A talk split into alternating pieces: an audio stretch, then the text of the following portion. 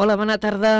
Són, eh, això, passen uns minuts a dos quarts de set de la tarda i encetem el tram informatiu del carrer Major, que repassarem les notícies més destacades del Camp de Tarragona des d'ara i fins al punt del set de la tarda. Us estem acompanyant l'Álvaro Rodríguez, que està al control tècnic a Ràdio Ciutat de Tarragona. Allí també hi tenim l'Adrià Requesens i jo mateixa, que us parlo des de la Torre. Comencem.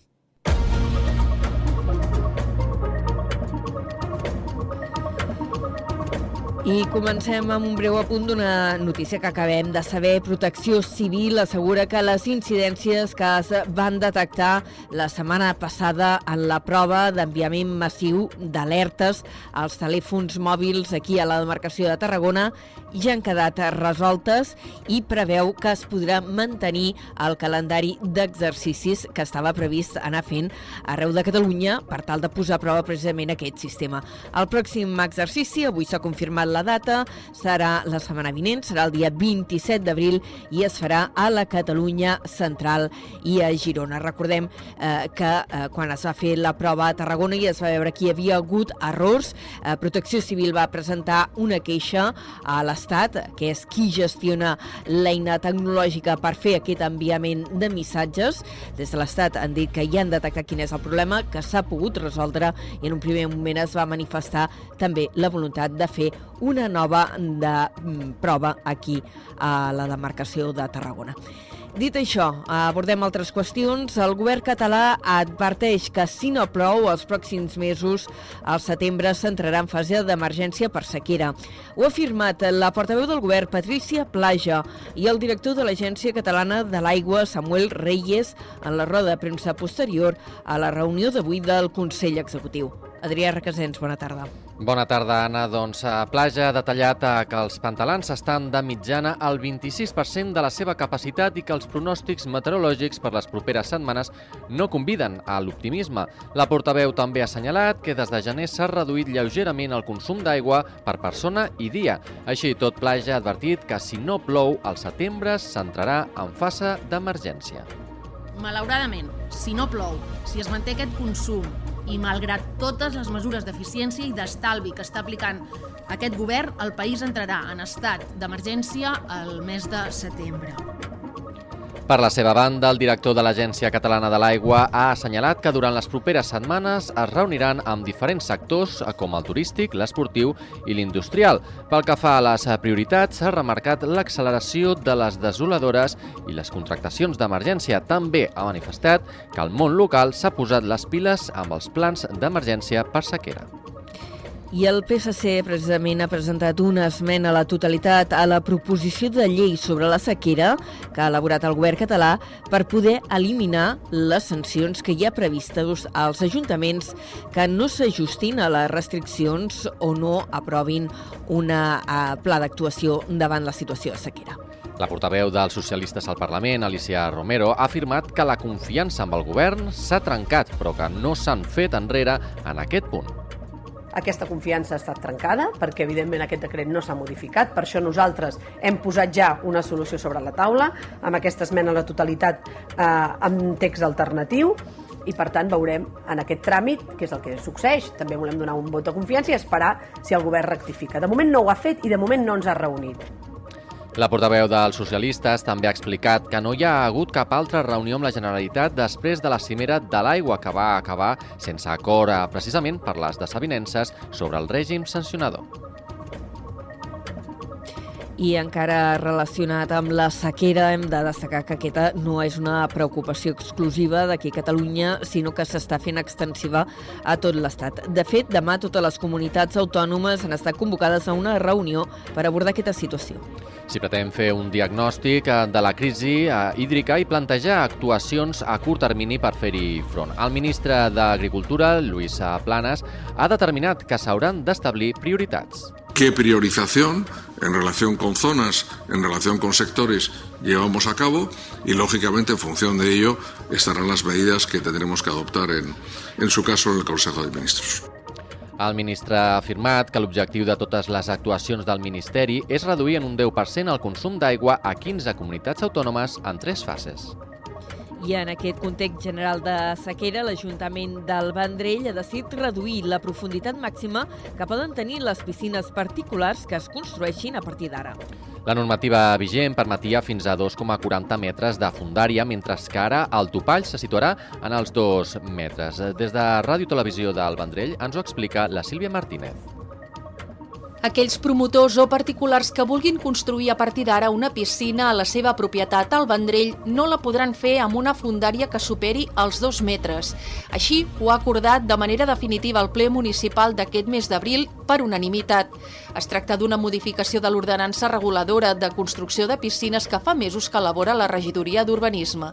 La nova norma ajudarà a estalviar aigua just ara que la sequera és cada cop més greu. Núria Rovira, regidora d'Urbanisme. Nosaltres també vam preguntar qui eren els nostres, nostres municipis principals clients que, fe, que es feien piscines i ens va semblar molt curiós perquè eren eh, doncs, en xalets i, i normalment les encarreguen els avis. I, per tant, és el, la gràcia perquè vinguin els, els nets. Llavors, ells deien que hi era una, una, una distància per, doncs, suficient, una profunditat suficient que et permetia com tirar-te de cap i fer una remullada, saps, i que sense, sense menjar-te al fons de la piscina, eh, però, i que et permetia alhora estar dret jugant la modificació de l'ordenança també afecta les piscines desmuntables. No caldrà llicència municipal per instal·lar-les sempre i quan tinguin una alçada màxima d'un metre i una capacitat inferior als 10.000 litres d'aigua. Al Vendrell hi ha actualment 2.000 piscines privades.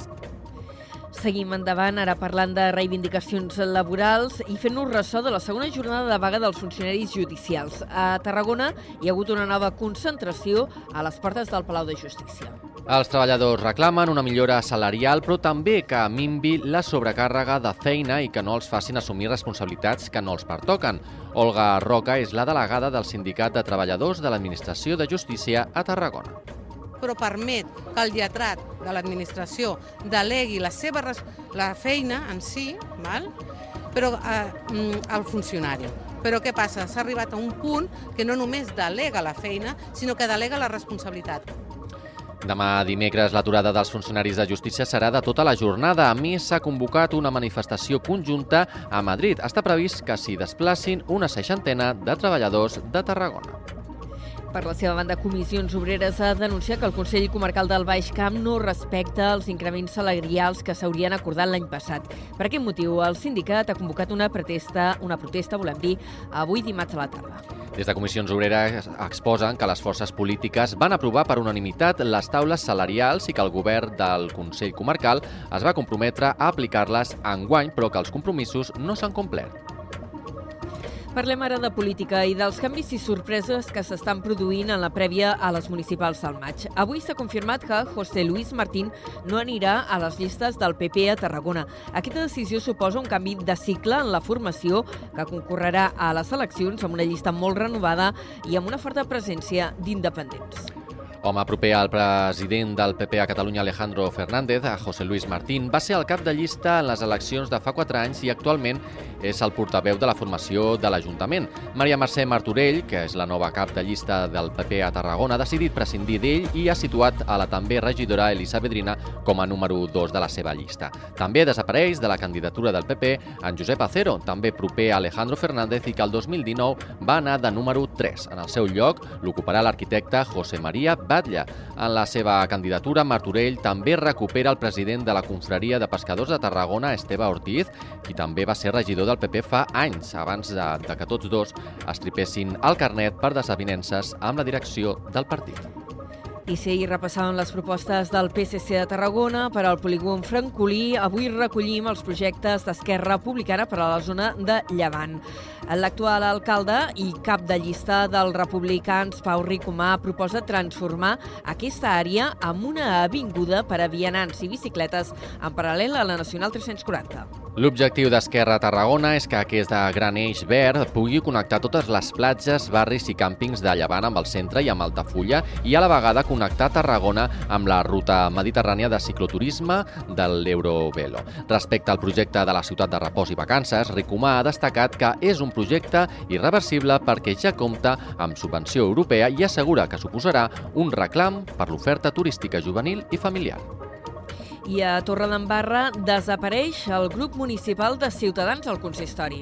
En el ple d'aquest dijous, l'única regidora que es mantenia a la formació passarà a ser regidora no adscrita. Des d'on a la torre ens ho amplia en Josep Sánchez. Durant aquest mandat han abandonat el grup municipal Toni Cruz, que el va deixar el 2021, Javier Ramírez, que va seguir els mateixos passos a principis d'aquest 2023, i ara Noelia González, quan manca poc més d'un mes per les eleccions municipals. Ciutadans va irrompre el panorama polític de Torredembarra el 2015, convertint-se en la segona força més votada, amb 746 suports, gairebé el 13% de vots i 3 regidors.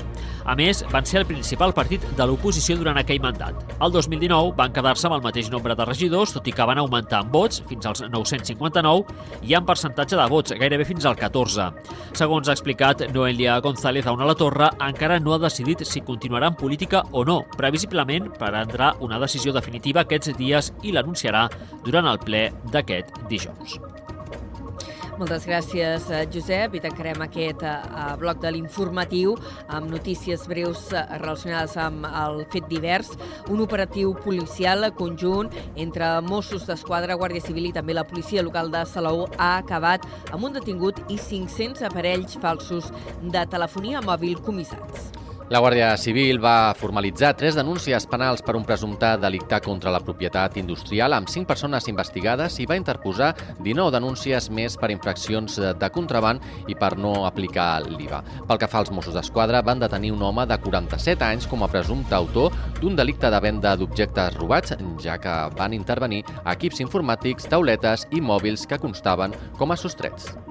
La policia local de Torre d'Embarra ha detingut un home per amenaçar de mort una dona amb un ganivet i per trencar l'ordre d'allunyament. L'individu ha sigut arrestat tres vegades. La primera detenció va ser el passat dimecres al carrer de Pompeu Fabra del municipi. El jutge el va deixar en llibertat, però va decretar una ordre d'allunyament de la víctima amb la qual doncs, podria tenir un conflicte veïnal. Al cap de dos dies, els agents se'ls van a tornar a detenir a la finca on viu la dona i la darrera detenció va ser aquest mateix diumenge quan l'individu hauria hauria agredit la dona per haver-lo denunciat. A hores d'ara, l'home continua detingut a la comissaria dels Mossos d'Esquadra del Vendrell i s'estan practicant diligències.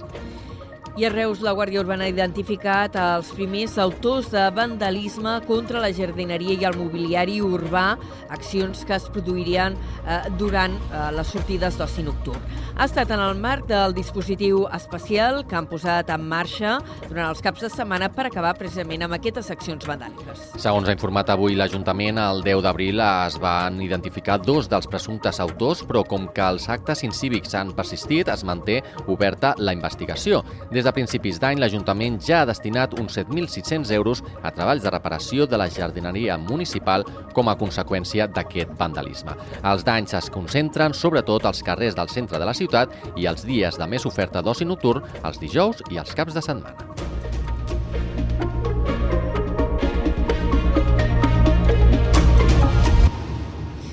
Passen dos minuts a tres quarts de set. Obrim el segon bloc de l'informatiu centrant-nos en informació estrictament local i comencem parlant de les diverses afectacions relacionades amb les obres de remodelació del carrer Orosi a la part baixa de Tarragona. Els treballs, que tot just acaben de començar, duraran entre 4 i 6 mesos. Segons ha informat l'Ajuntament de Tarragona, aquesta setmana han començat els treballs previs amb la senyalització i també el trasllat de contenidors. Pel que fa al trànsit, al carrer Orosi, doncs, eh, que connecta l'estació de tren amb Apodaca, estarà tallat a la circulació mentre durin aquestes obres. L'accés als carrers Pau del Protectorat i General Contreras es farà pel carrer Barcelona i pels carrers Pompeu Fabra i General Moragas, d'on es trauran totes les pilones per permetre aquesta circulació. Les obres de reforma del carrer Orosi les fa l'empresa AXA i costaran prop de 600.000 euros. Anem cap a la Conca de Bàrbara. Una escultura de Sant Jordi presideix des d'avui dimarts el remodelat entorn del Pont Vell de Montblanc. És obra de l'escultora del municipi de Belltall, a Rebeca Muñoz, i ens amplia la notícia des de Ràdio Montblanc, la Gemma Bufies. L'escultura és feta de bronze, fa més de dos metres i pesa més de 500 quilos. És obra de l'artista de Belltall, Rebeca Muñoz, qui ha volgut representar el costat més humà d'un heroi com Sant Jordi. Rebeca Muñoz, escultora. No volia fer un Sant Jordi triomfant, penso que els herois es caracteritzen perquè en tenen dubtes, perquè, perquè la superen i fan coses extraordinàries. Llavors he fet un, un Sant Jordi just abans de la batalla, perquè també això en el temps sempre està succeint. Quan una acció està acabada, ja està acabada. Ara el Sant Jordi sempre estarà esperant el drac que vingui a buscar-lo. No? Per mi, més en el, en el costat personal, m'ha ajudat molt a matar el meu drac, que en aquest cas ha sigut un càncer i mentre l'he estat construint i modelant hem estat lluitant. L'escultura s'ha instal·lat a tocar del Pont Vell i està cridada a ser una de les noves icones de la vila. Aquests dies s'ultimen tots els detalls per poder obrir el pas del Pont Vell aquest proper cap de setmana, coincidint amb l'inici de la setmana medieval. Moltes gràcies, eh, Gemma. Això a Montblanc, preparant-se per la setmana medieval i a la resta de municipis, preparant-se per Sant Jordi. Avui l'Ajuntament de Tarragona ha informat que la ciutat comptarà amb 137 parades a la Rambla Nova aquest Sant Jordi, aquest diumenge. Els estants es distribuiran des de tocar del balcó del Mediterrani, al monument de Roger de Llúria, fins a la font del Centenari. Són quatre coques de la Rambla. Hi haurà 12 llibreries, dues més que l'any passat. Pel que fa a floristeries, n'hi haurà un total de 16, mentre que la resta corresponen a entitats. Les parades estaran obertes de les 9 del matí fins a les 9 del vespre. A més, com l'any passat, es tallarà el trànsit i no es podrà estacionar en els dos primers trams de la Rambla per guanyar d'aquesta manera espai. Els actes de Sant Jordi a Tarragona també inclouen una ballada de sardanes i la diada castellera amb les quatre colles de la ciutat. I a Reus, les novetats editorials d'aquest Sant Jordi estan ja exposades enmig d'un estudi de ràdio que s'ha muntat a la Biblioteca Xavier Amorós. L'exposició s'hi mantindrà fins al 8 de maig. S'hi recullen les 165 obres que han estat eh, publicades per autors locals durant el darrer any. L'exposició s'ha habilitat a la sala central de la biblioteca, recreant un estudi de ràdio que s'ha ambientat amb la col·laboració de la nova Ràdio de Reus. Aquesta distribució vol ser un homenatge a la vessant tertuliana i comunicadora de l'escriptor i poeta Xavier Amorós. Dins dels actes de la Diada a Reus, aquest divendres a la tarda, hi haurà una trobada amb tots els autors a la mateixa biblioteca. S'hi farà una rebella literària amb l'espectacle poètic i jo et diria amorós. A més, el dia de Sant Jordi a la plaça del Mercadal hi haurà una marató de lectura de textos d'amorós per commemorar el centenari de l'autor. I encara parlant de llibres, però des d'una vessant ben diferent, l'antic Ajuntament de Tarragona acollirà demà dimecres a la tarda la presentació de l'obra Joaquim Fort, l'alcalde republicà de Tarragona. L'acte s'inclou en el programa de memòria democràtica de la ciutat. Aquest eh, treball de recerca històrica és obra de Cristian Ferrer i Guillem Puig, que l'any passat van rebre la beca d'Estudis Històrics President Tarradellas. Joaquim Fort i Givert va ser escollit l'any 1934 primer tinent d'alcalde de l'Ajuntament de Tarragona. Al febrer de 1936, la victòria del Front d'Esquerres el va retornar al consistori i quatre mesos després va ser escollit nou alcalde de la ciutat. Amb l'esclat de, la, de la Guerra Civil va liderar la resposta política al cop d'estat de la ciutat de Tarragona i a partir de gener de 1937, com a comissari de, delegat de la Generalitat de Tarragona, va fer front a les dificultats materials de la rereguarda. I el cicle Experiència de Periodista canvia de format. Les conferències es faran al vespre i a la sala 0. Enguany s'ha programat quatre trobades amb reconeguts periodistes que es faran del 27 d'abril a l'11 de maig. Des de Ràdio Ciutat de Tarragona té tots els detalls l'Àlvaro Rodríguez.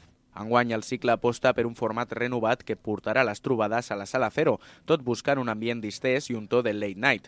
Tot arrencarà amb la periodista especialitzada en successos Maica Navarro, seguida de la periodista del cor Laura Fa i el fotoperiodista David Ramos. El cicle clourà amb el periodista esportiu Gerard Romero, qui explicarà com la seva trajectòria li ha portat a la plataforma de streaming Twitch. Esteve Giral, president de la demarcació de Tarragona del Col·legi, explica que el nou format cerca crear un espai de trobada informal entre periodistes periodistes. I això també segurament ens apropa amb, amb col·lectius com els dels periodistes joves. Agradaria molt que, que s'apropessin a l'experiència de periodistes per poder fer aquesta xarxa. No? Al final el canvi de format també busca que ens trobem més periodistes a, a, a la Sala Cero aquests dijous del, del mes d'abril i del mes de maig. Durant la presentació també s'ha renovat el conveni del col·legi amb Repsol, que per 11 any consecutiu dona suport a aquest acte i altres iniciatives de l'entitat. I recollim ara una iniciativa de la Federació d'Associacions de Veïns de Tarragona que ajuda a fer difusió als barris dels serveis que ofereix l'Associació contra el Càncer. De fet, els actes d'aquesta campanya començaran el proper divendres 28 d'abril al Centre Cívic de Torreforta i el 23 d'abril s'instal·larà un punt informatiu també al Mercadet de Bonavista. Des de Ràdio Ciutat de Tarragona ens ho explica la Judit Fernández. La Federació d'Associacions de Veïns de Tarragona inicia aquest mes d'abril una campanya de difusió dels serveis que ofereix l'Associació contra el Càncer als barris de Tarragona. Aquesta campanya vol donar a conèixer els serveis que ofereixen des de la CCT i que tenen com a objectiu millorar la qualitat de vida de les persones amb càncer i donar suport i assessorament als seus familiars. José Martín, portaveu de la FAP, explica la importància d'aquest tipus d'accions.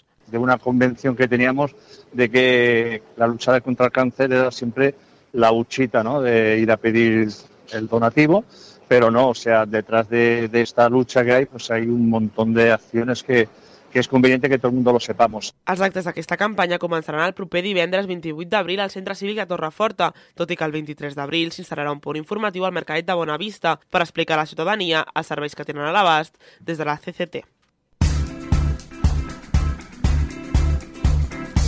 I tram final, de l'informatiu que dediquem a parlar de cultura ho fem eh, primer situats de nou a la Conca de Barberà per parlar del cicle Visions 5.1 que celebrarà 10 anys amb una jornada concentrada al Museu de la Vida Rural de l'Espluga de Francolí. Des de l'Espluga FM Ràdio ens ho explica en Pep Morató. Volem pa, però també roses. Aquest és el lema amb el qual la Conca 5.1 dona forma a la desena edició del Vision 5.1, un projecte en què les edicions anteriors s'havia celebrat en format de cicle i que enguany es concentrarà en una única jornada, el dia 6 de maig, a la seva ubicació habitual al Museu de la Vida Rural de l'Espluga de Francolí. La jornada girarà al voltant del dret a viure i no només a existir.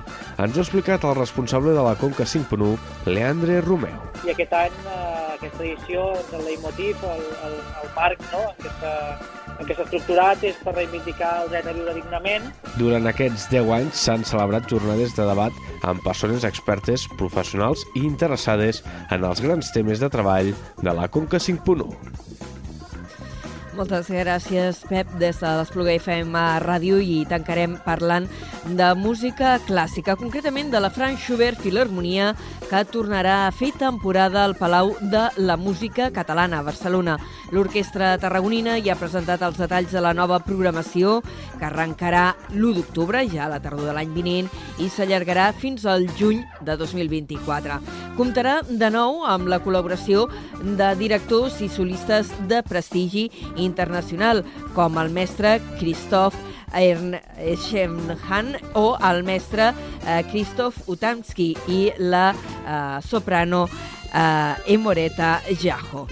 La reconeguda pianista ucraïnesa Anna Fedorova i el guitarrista Milos Karadanglik debutaran al certamen. Tomàs Grau és l'impulsor i director titulat de la Frank Schubert. Doncs ja són 12 anys de temporada sinfònica de la Frank Schubert Filharmonia al Palau de la Música uh, i estem molt contents aquest any de fer un, pa, un pas més en, en la invitació a artistes internacionals i ja no només solistes sinó també aquests grans directors uh, que puguin aportar quelcom diferent a l'orquestra i que puguin deixar un concert memorable pel públic. La temporada s'inaugurarà amb cara de Glic i el concierto de Aranjuez i se celebraran els 50 anys de la mort de Pau Casals. El certamen, amb el lema Emoció entre línies, oferirà un concert d'inauguració amb una segona part amb la sinfonia número 9 del Nou món de Dobrak. I tancarem amb un breu apunt. El misteri i els assassinats recorren als carrers d'Altafulla en un llibre coral titulat Altafulla és negra. L'obra ha estat impulsada per la petita editorial local La Banya i és una de les grans novetats d'aquest Sant Jordi a la localitat. Dit això, tanquem l'informatiu, tanquem carrer Major i tornem demà a les 4.